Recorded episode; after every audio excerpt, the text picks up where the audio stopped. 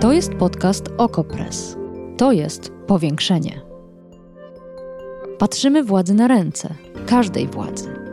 Obserwujemy politykę i życie społeczne. Ustalamy fakty, komentujemy wydarzenia i przede wszystkim rozmawiamy z Wami i z naszymi gośćmi. Zapraszam, Agata Kowalska. Miesiąc temu w Mianmie, dawnej Birmie, doszło do zamachu stanu. Czwartego w historii tego kraju. Władzę ponownie przejęła armia. Co zamierzają generałowie? Czy ostatnie pięć lat to był tylko taki fasadowy przerywnik dla reżimu? Jakie znaczenie mają protesty obywatelek i obywateli? I patrząc szerzej, dlaczego w ostatnich latach słyszymy doniesienia o kolejnych masowych protestach w azjatyckich krajach w Tajlandii, Hongkongu, Tajwanie? Czy coś je łączy? O tym w dzisiejszym powiększeniu.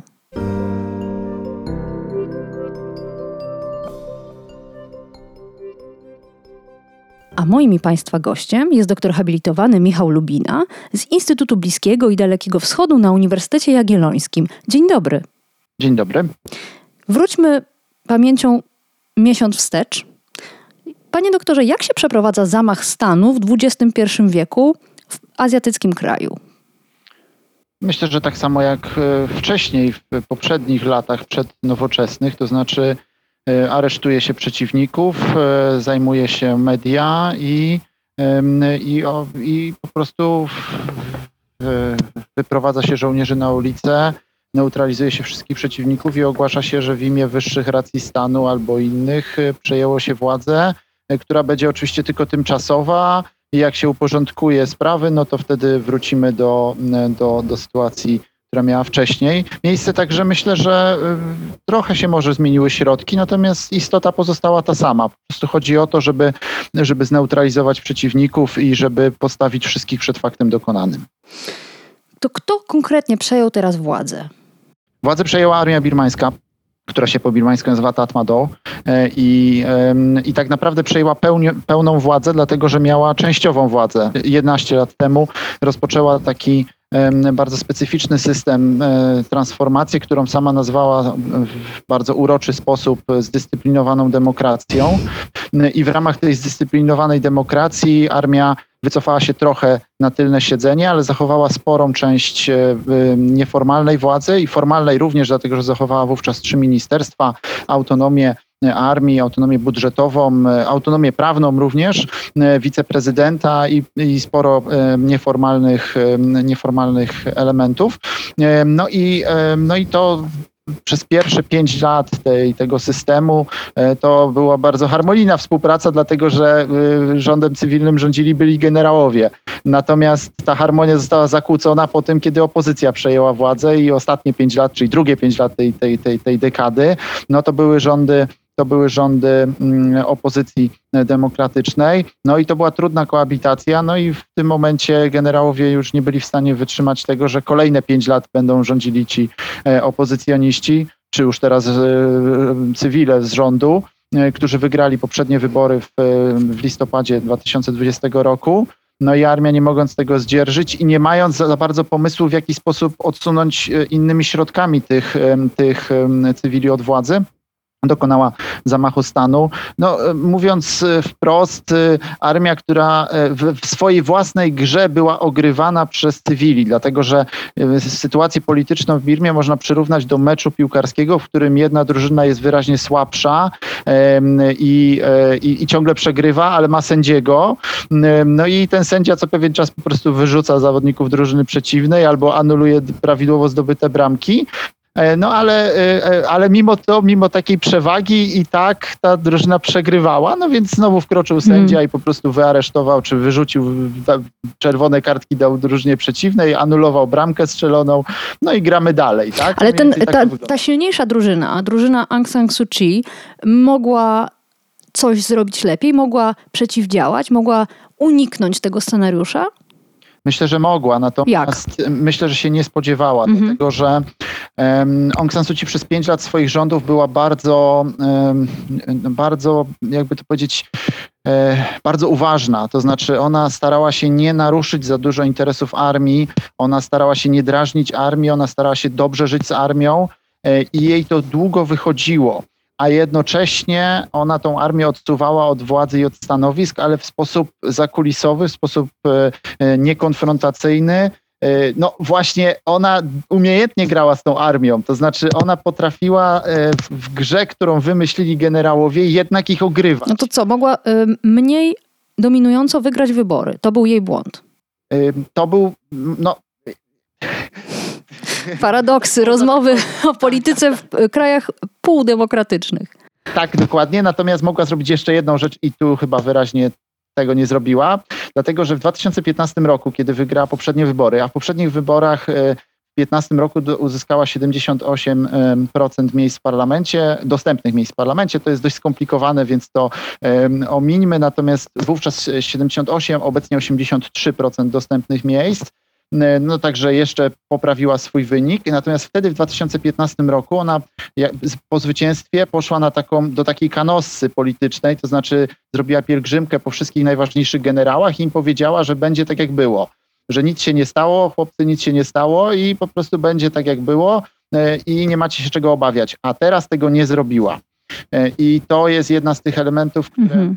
mogła przewidzieć, czyli oni, e, bo to niestety, ale wchodzimy w taki, taką sferę, którą się trudno tłumaczy i która jest trudna do analizy, ale która jest kluczowa w firmie, w której E, w której no, e, jest bardzo wyraźny element osobisty. To jest w firmie, mówiąc wprost, to, co osobiste jest polityczne i vice versa. Dlatego bardzo ważną rolę odgrywają ambicje osobiste. Znaczy myślę, że nie tylko w Birmie, tak? Natomiast w sytuacji braku e, ustabilizowanej demokracji, braku słabych instytucji, czy wręcz czasami nieistniejących albo fasadowych, no to ten czynnik osobisty dopiero to wychodzi na pierwszy plan. No i problemem było to, że głównodowodzący armii, generał Min Online, E, no, musiał wkrótce przejść na emeryturę formalnie, za, dokładnie za pół roku, e, a zgodnie z prawem e, tylko rząd cywilny, czyli w tym momencie rząd Suci mógł mu przedłużyć tą kadencję. No i teraz problem polegał na tym, że oni w ogóle ze sobą nie rozmawiali, bo się bardzo nie lubili i przez rok, ponad rok nie było żadnego spotkania między nimi. I efekt tego był taki, że był brak komunikacji. I jakby każdy zaczął, obie stron zaczęły grać w cykora, to znaczy nie chciały odpuścić. No i jak to w grze w cykora, dwa samochody jadą na siebie i w końcu któryś musi ustąpić, albo żaden nie ustąpi, no i żaden nie ustąpił, no to z tą różnicą, że armia miała czołg, a rząd cywilny miał samochód osobowy, no i, no i armia rozjechała ten, ten, ten samochód osobowy no, y, jakby rząd cywilny y, oczywiście moralnie miał rację, tak, natomiast no, politycznie został obalony, a więc przegrał, tak, więc, więc zrobił błąd, tak, no powinien raczej chuchać i dmuchać na tych generałów, e, dać im to, czego chcą, żeby tylko tego zamachu stanu nie dokonali, natomiast rząd cywilny zgrzeszył też y, takim zbytnim e, założeniem, że racjonalnie nie opłaca się generałom dokonywać tego zamachu stanu, dlatego że generałowie mieli na tyle wygodną pozycję, że im tak naprawdę niewiele groziło. Mieli swoje trzy ministerstwa siłowe, mieli autonomię armii, mieli nadal mnóstwo interesów i, i, biznesów wszelakich. Oczywiście mniej niż pięć lat temu, ale no nadal na tyle dużo, że im się naprawdę nie opłacało dokonywać zamachu stanu w sytuacji covidowej, w sytuacji, kiedy gospodarka Birmy jest w złym stanie, z powodów COVID-u, ale nie tyle z powodu złej sytuacji covidowej, ile konsekwencji gospodarczych, między innymi zamknięcie granicy z Chinami, a Chiny są głównym partnerem handlowym, bardzo zaszkodziło Birmie. E, no więc, no więc na logikę po prostu dokonywać zamachu stanu teraz, kiedy kiedy sytuacja gospodarcza kraju jest zła, było e, bez sensu, ponieważ dużo bardziej się opłacało generałom poczekać e, kolejne pięć lat albo nawet krócej, aż rząd cywilny straci poparcie i wtedy wrócić w glorii chwały jako, no tak. jako zbawcy narodu. Ale, Ale no niestety nie poczekali, no i teraz wszyscy mamy problem. Rozumiem, że to te ambicje i ten honor e, i upokorzenie zagrały. No dobrze, to powiedzmy, czy w ogóle da się przewidzieć, jakie są plany generałów? Czy oni teraz zamierzają po prostu trzymać tę władzę, zdusić protesty, o których zaraz porozmawiamy, trzymać Aung San Suu Kyi do końca życia w areszcie i po prostu w ten sposób zarządzać Birmą, Mianmą? Obie nazwy są korekt, tak, żeby była, była jasność, tak, więc przynajmniej po birmańsku, bo to jest oczywiście upolityczniona kwestia, ale, ale ten. Jeśli chodzi o generałów, to oni są i trudni, i prości w, w, w rozczytaniu ich intencji. E, prości są dlatego, że generałowie birmańscy na przykład nie fałszują wyborów, e, nie, nie robią żadnych takich bardziej skomplikowanych akcji, tylko oni po prostu jak przegrają wybory, to je anulują. To zrobili już drugi raz, pierwszy raz w 90 roku, teraz ponownie, więc, więc w tym sensie są prości do rozczytania, ponieważ no po prostu jakby wiadomo, co, co, co zrobią. No i to, co zrobią również najprawdopodobniej będzie powtórką z lat 90. W latach 90. właśnie przegrali wybory, nie uznali ich, no i obiecywali, że napiszą konstytucję. Tą konstytucję pisali 20 lat. No w końcu ją napisali, ją napisali tak, że na podstawie tej konstytucji były E, były wybory, w których nie wzięła udziału partia Suci, więc wygrała je partia armijna, no i ona się zamieniła później w, w rząd cywilny. No więc coś takiego będą chcieli zrobić generałowie, dlatego że, że oni już teraz aresztowanie Aung San Suu Kyi, wystawienie jej śmiesznych zarzutów spowoduje to, że ona zostanie skazana. Jak zostanie skazana, to nie będzie mogła brać udziału w wyborach. E, zapewne jej partia zostanie albo również skasowana w ten lub inny sposób i w efekcie wybory, które się odbędą, no obiecują za rok, ale czy to będzie za rok, tego, tego nikt nie wie, no to w tym momencie wybory odbędą się tylko wśród partii, które armia dopuści do, do, do głosowania, no i dzięki temu e, generowie no, próbowali powtórzyć ten sam manewr, mhm. czyli ucywilnienia, więc to jest ten prosty element, dlatego że ich intencje są bardzo czytelne. Natomiast trudny element z generałami birmańskimi jest taki, że nie mamy za wielu informacji na, na temat e, ich, nie wiemy dokładnie, co tam się dzieje w tej armii. To jest jednak bardzo ta e, instytucja odcięta od świata, by nie powiedzieć tajemnicza. E, no i to powoduje, że nie wiemy tak naprawdę, jak silna jest pozycja Min Online'a, czyli tego dyktatora obecnego. Nie wiemy dokładnie, jakie są konkretnie jego plany. Nie wiemy też przypadkiem, czy jakie siły tam funkcjonują, jakie frakcje. No właśnie pisano o tym, że ten zamach to nie był tylko zamach przeciwko Aung San Suu Kyi i, opozy- i jej rządzącej partii, ale również chodziło o rozstrzygnięcie siłowe sporów wewnątrz armii. Pokazanie, kto tam tak naprawdę rządzi.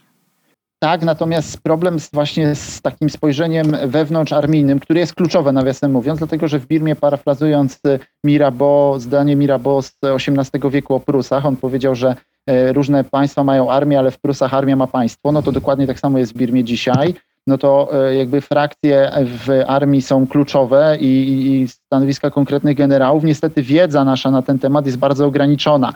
Do tej pory to funkcjonowało według e, takiej, bym powiedział, neokolonialnej zasady, w której generałowie podzielili kraj na takie satrapie de facto, czyli no, się oczywiście w terminologii wojskowej to jest tam dowództwo północno-wschodnie, południowo-wschodnie i tak dalej. W każdym razie każdy z kilku generałów ma po prostu własną santrapię, własny, własny obszar. To jest trochę jak w czasach przedkolonialnych w Birmie, w której e, mandarynów nazywano mioza, czyli dosłownie zjadacz. E, I, I on po prostu zjada tę ziemię, czyli wszystko, co tam jest na tym terenie, nie wiem, na przykład na północy są jadeity. No to ten generał, który kontroluje pół, północną część Kacin, no to on ma wpływy z jadeitu, więc zjada te jadeity, tak?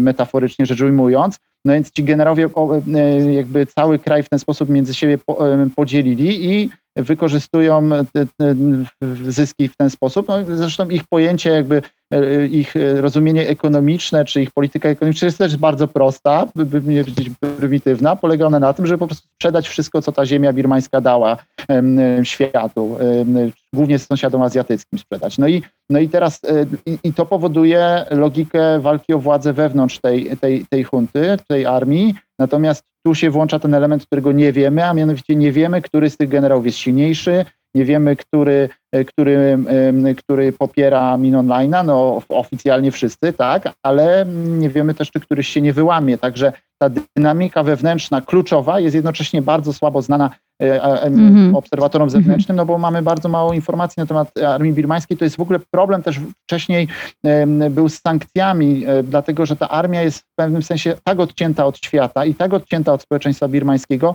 no, że sankcje na nich nie działają i, i również nie działają, no, ale to też powoduje, że niewiele o nich wiemy. Także, także to podsumowując, są prości i trudni jednocześnie ci generałowie. No właśnie, to jedno zdanie jeszcze o sankcjach.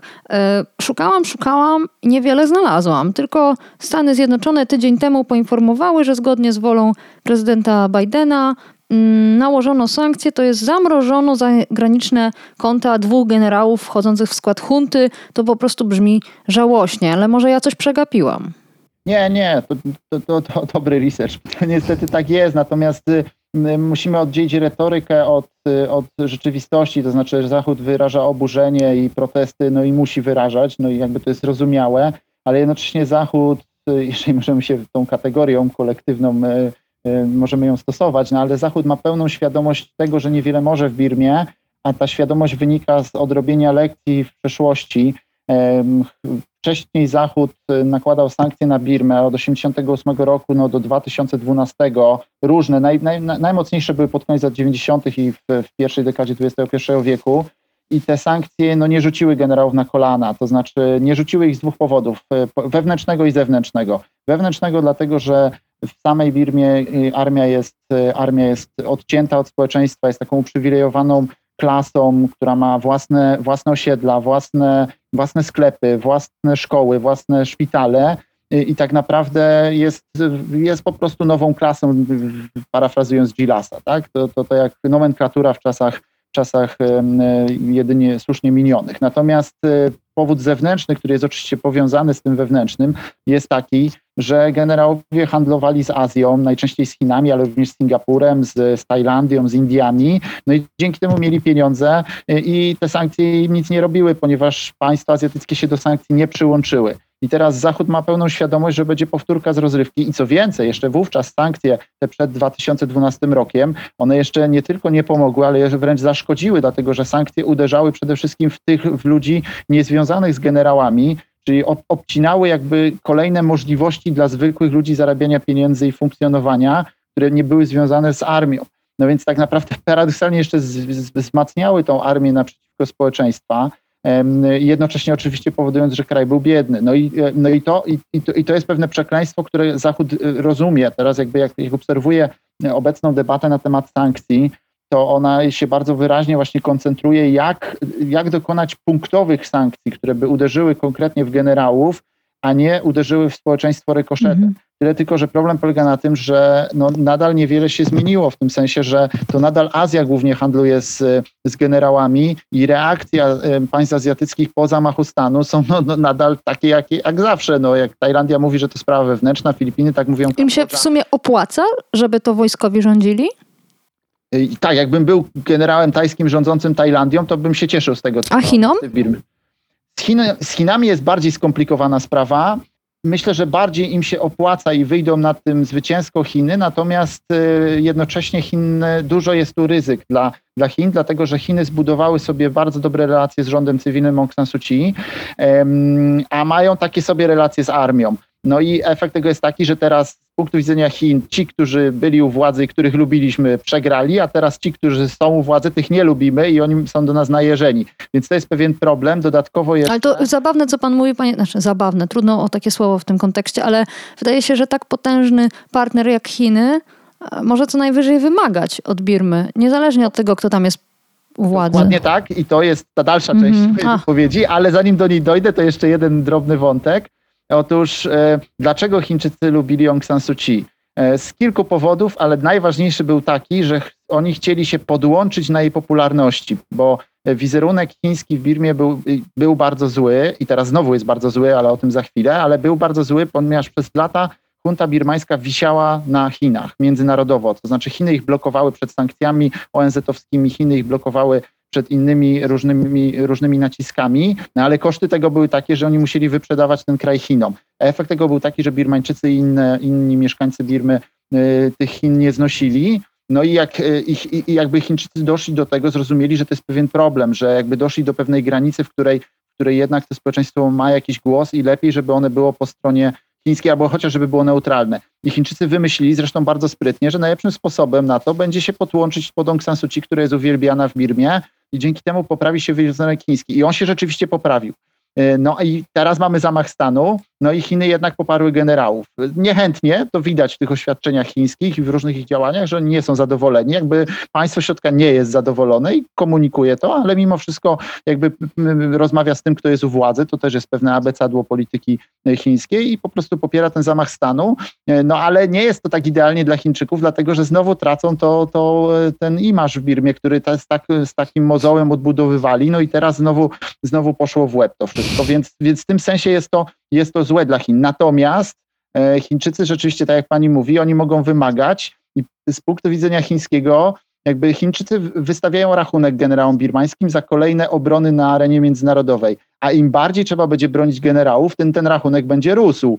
ponieważ, ponieważ jakby im bardziej są izolowani generałowie i wewnętrznie i zewnętrznie, tym bardziej będą musieli wisieć na Chinach. Hmm. No i tym bardziej im państwo środka później ten rachunek wystawi. Dla mnie papierkiem lakmusowym tego, jaka, jaka jest pozycja Chin, będzie los e, tamy Mitsom. To jest tama, która jest symboliczna w Birmie, ona nie powstała, jeszcze jest plan jej, ale to jest tama, która ma która ma zalać w ogóle obszar wielkości Singapuru e, i która ma wytransferować 90% energii do Chin i ta i, i jakby tą energię, którą ona wytworzy, to ma być więcej niż wytwarzają tam trzech przełomów w, w, w, Chinach, więc, więc to jest gigant.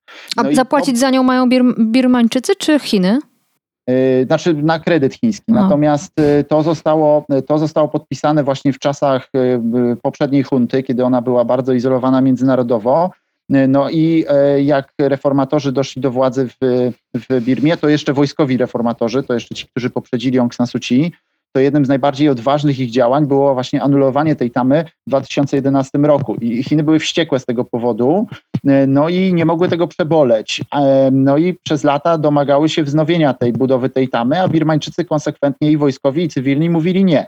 No i teraz zobaczymy. Jeżeli usłyszymy, że będzie wznowienie budowy tej tamy, no to będzie bardzo wyraźny dowód na to, że, że Birma bardzo osłabła. Mm. Dlatego, że to jest sprawa narodowa w Birmie, ta tama, ponieważ ona ma zabrać wodę z Irawadi. A Irawadi to jest birmańska Wisła, a nawet bardziej to jest ma, ma, rzeka matka, no więc w tym momencie to jest wielce symboliczne. No zabieramy wodę z rzeki matki, żeby wytransferować energię do Chin.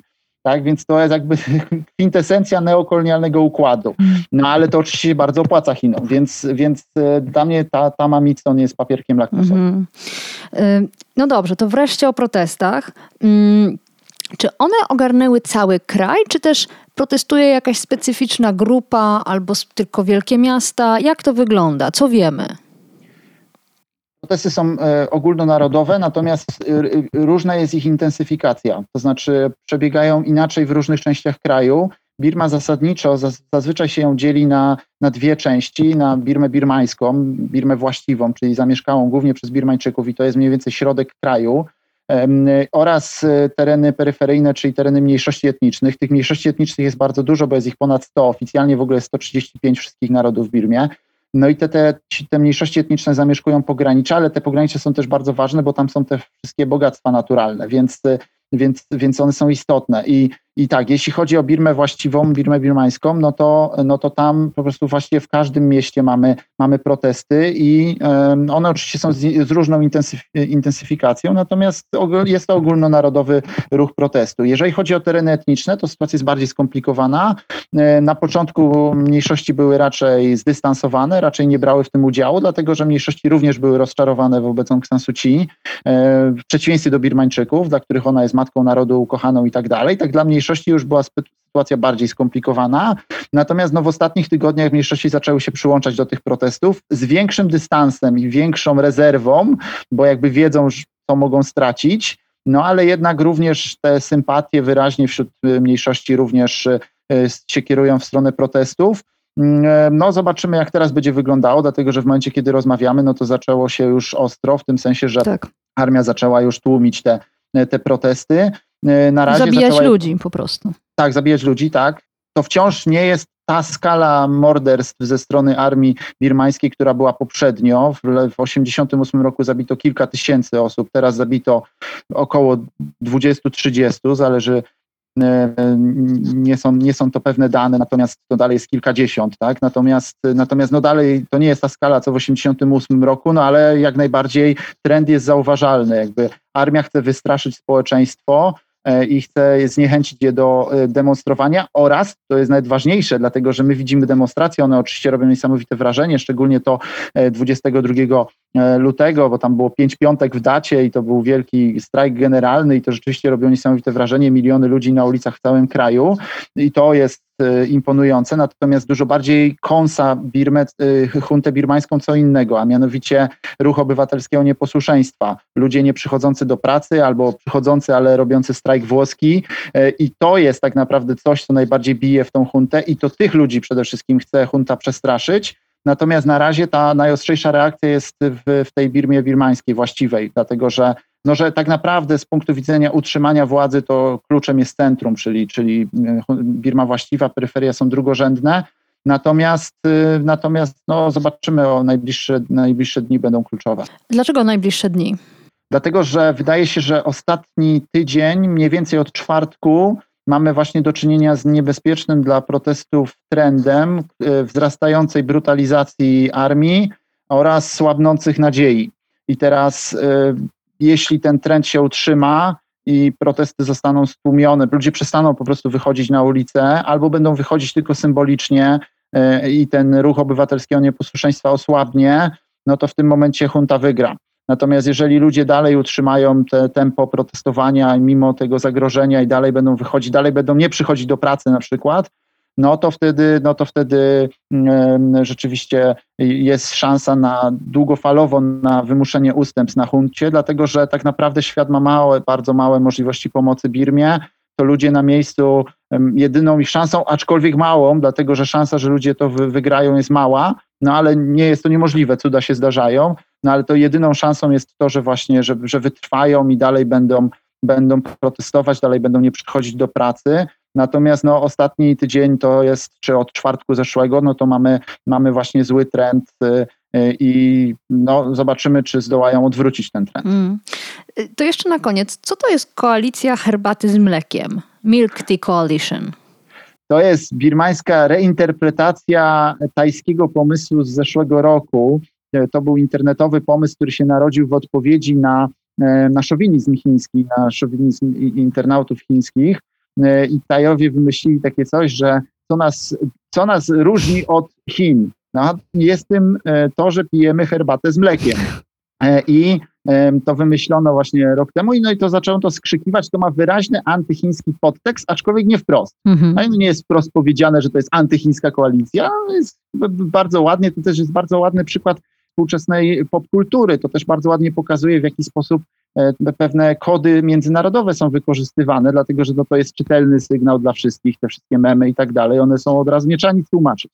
No i, e, i to wymyślili Tajowie, skrzyknęli do tego Hongkongijczyków i, i, i Tajwańczyków. No a teraz to Birmańczycy wymyślili, e, zreinterpretowali na nowo, jako jakby nową taktykę swoją w walce z huntą. Oni po prostu z, po, poprosili te społeczeństwa właśnie tych krajów, w których się pije herbatę z mlekiem, czyli Tajlandię, czyli Indię, czyli, czyli właśnie Hongkong, e, czyli Tajwan, e, o to, żeby im pomogli w walce z huntą, protestując u siebie w swoich krajach. No i rzeczywiście były demonstracje w Hongkongu, były demonstracje w Tajlandii, no ale chwilowo no to, to, to nie odwróciło to negatywnego trendu. Natomiast to, ten Milky Alliance, on bardzo ładnie pokazuje jedną rzecz.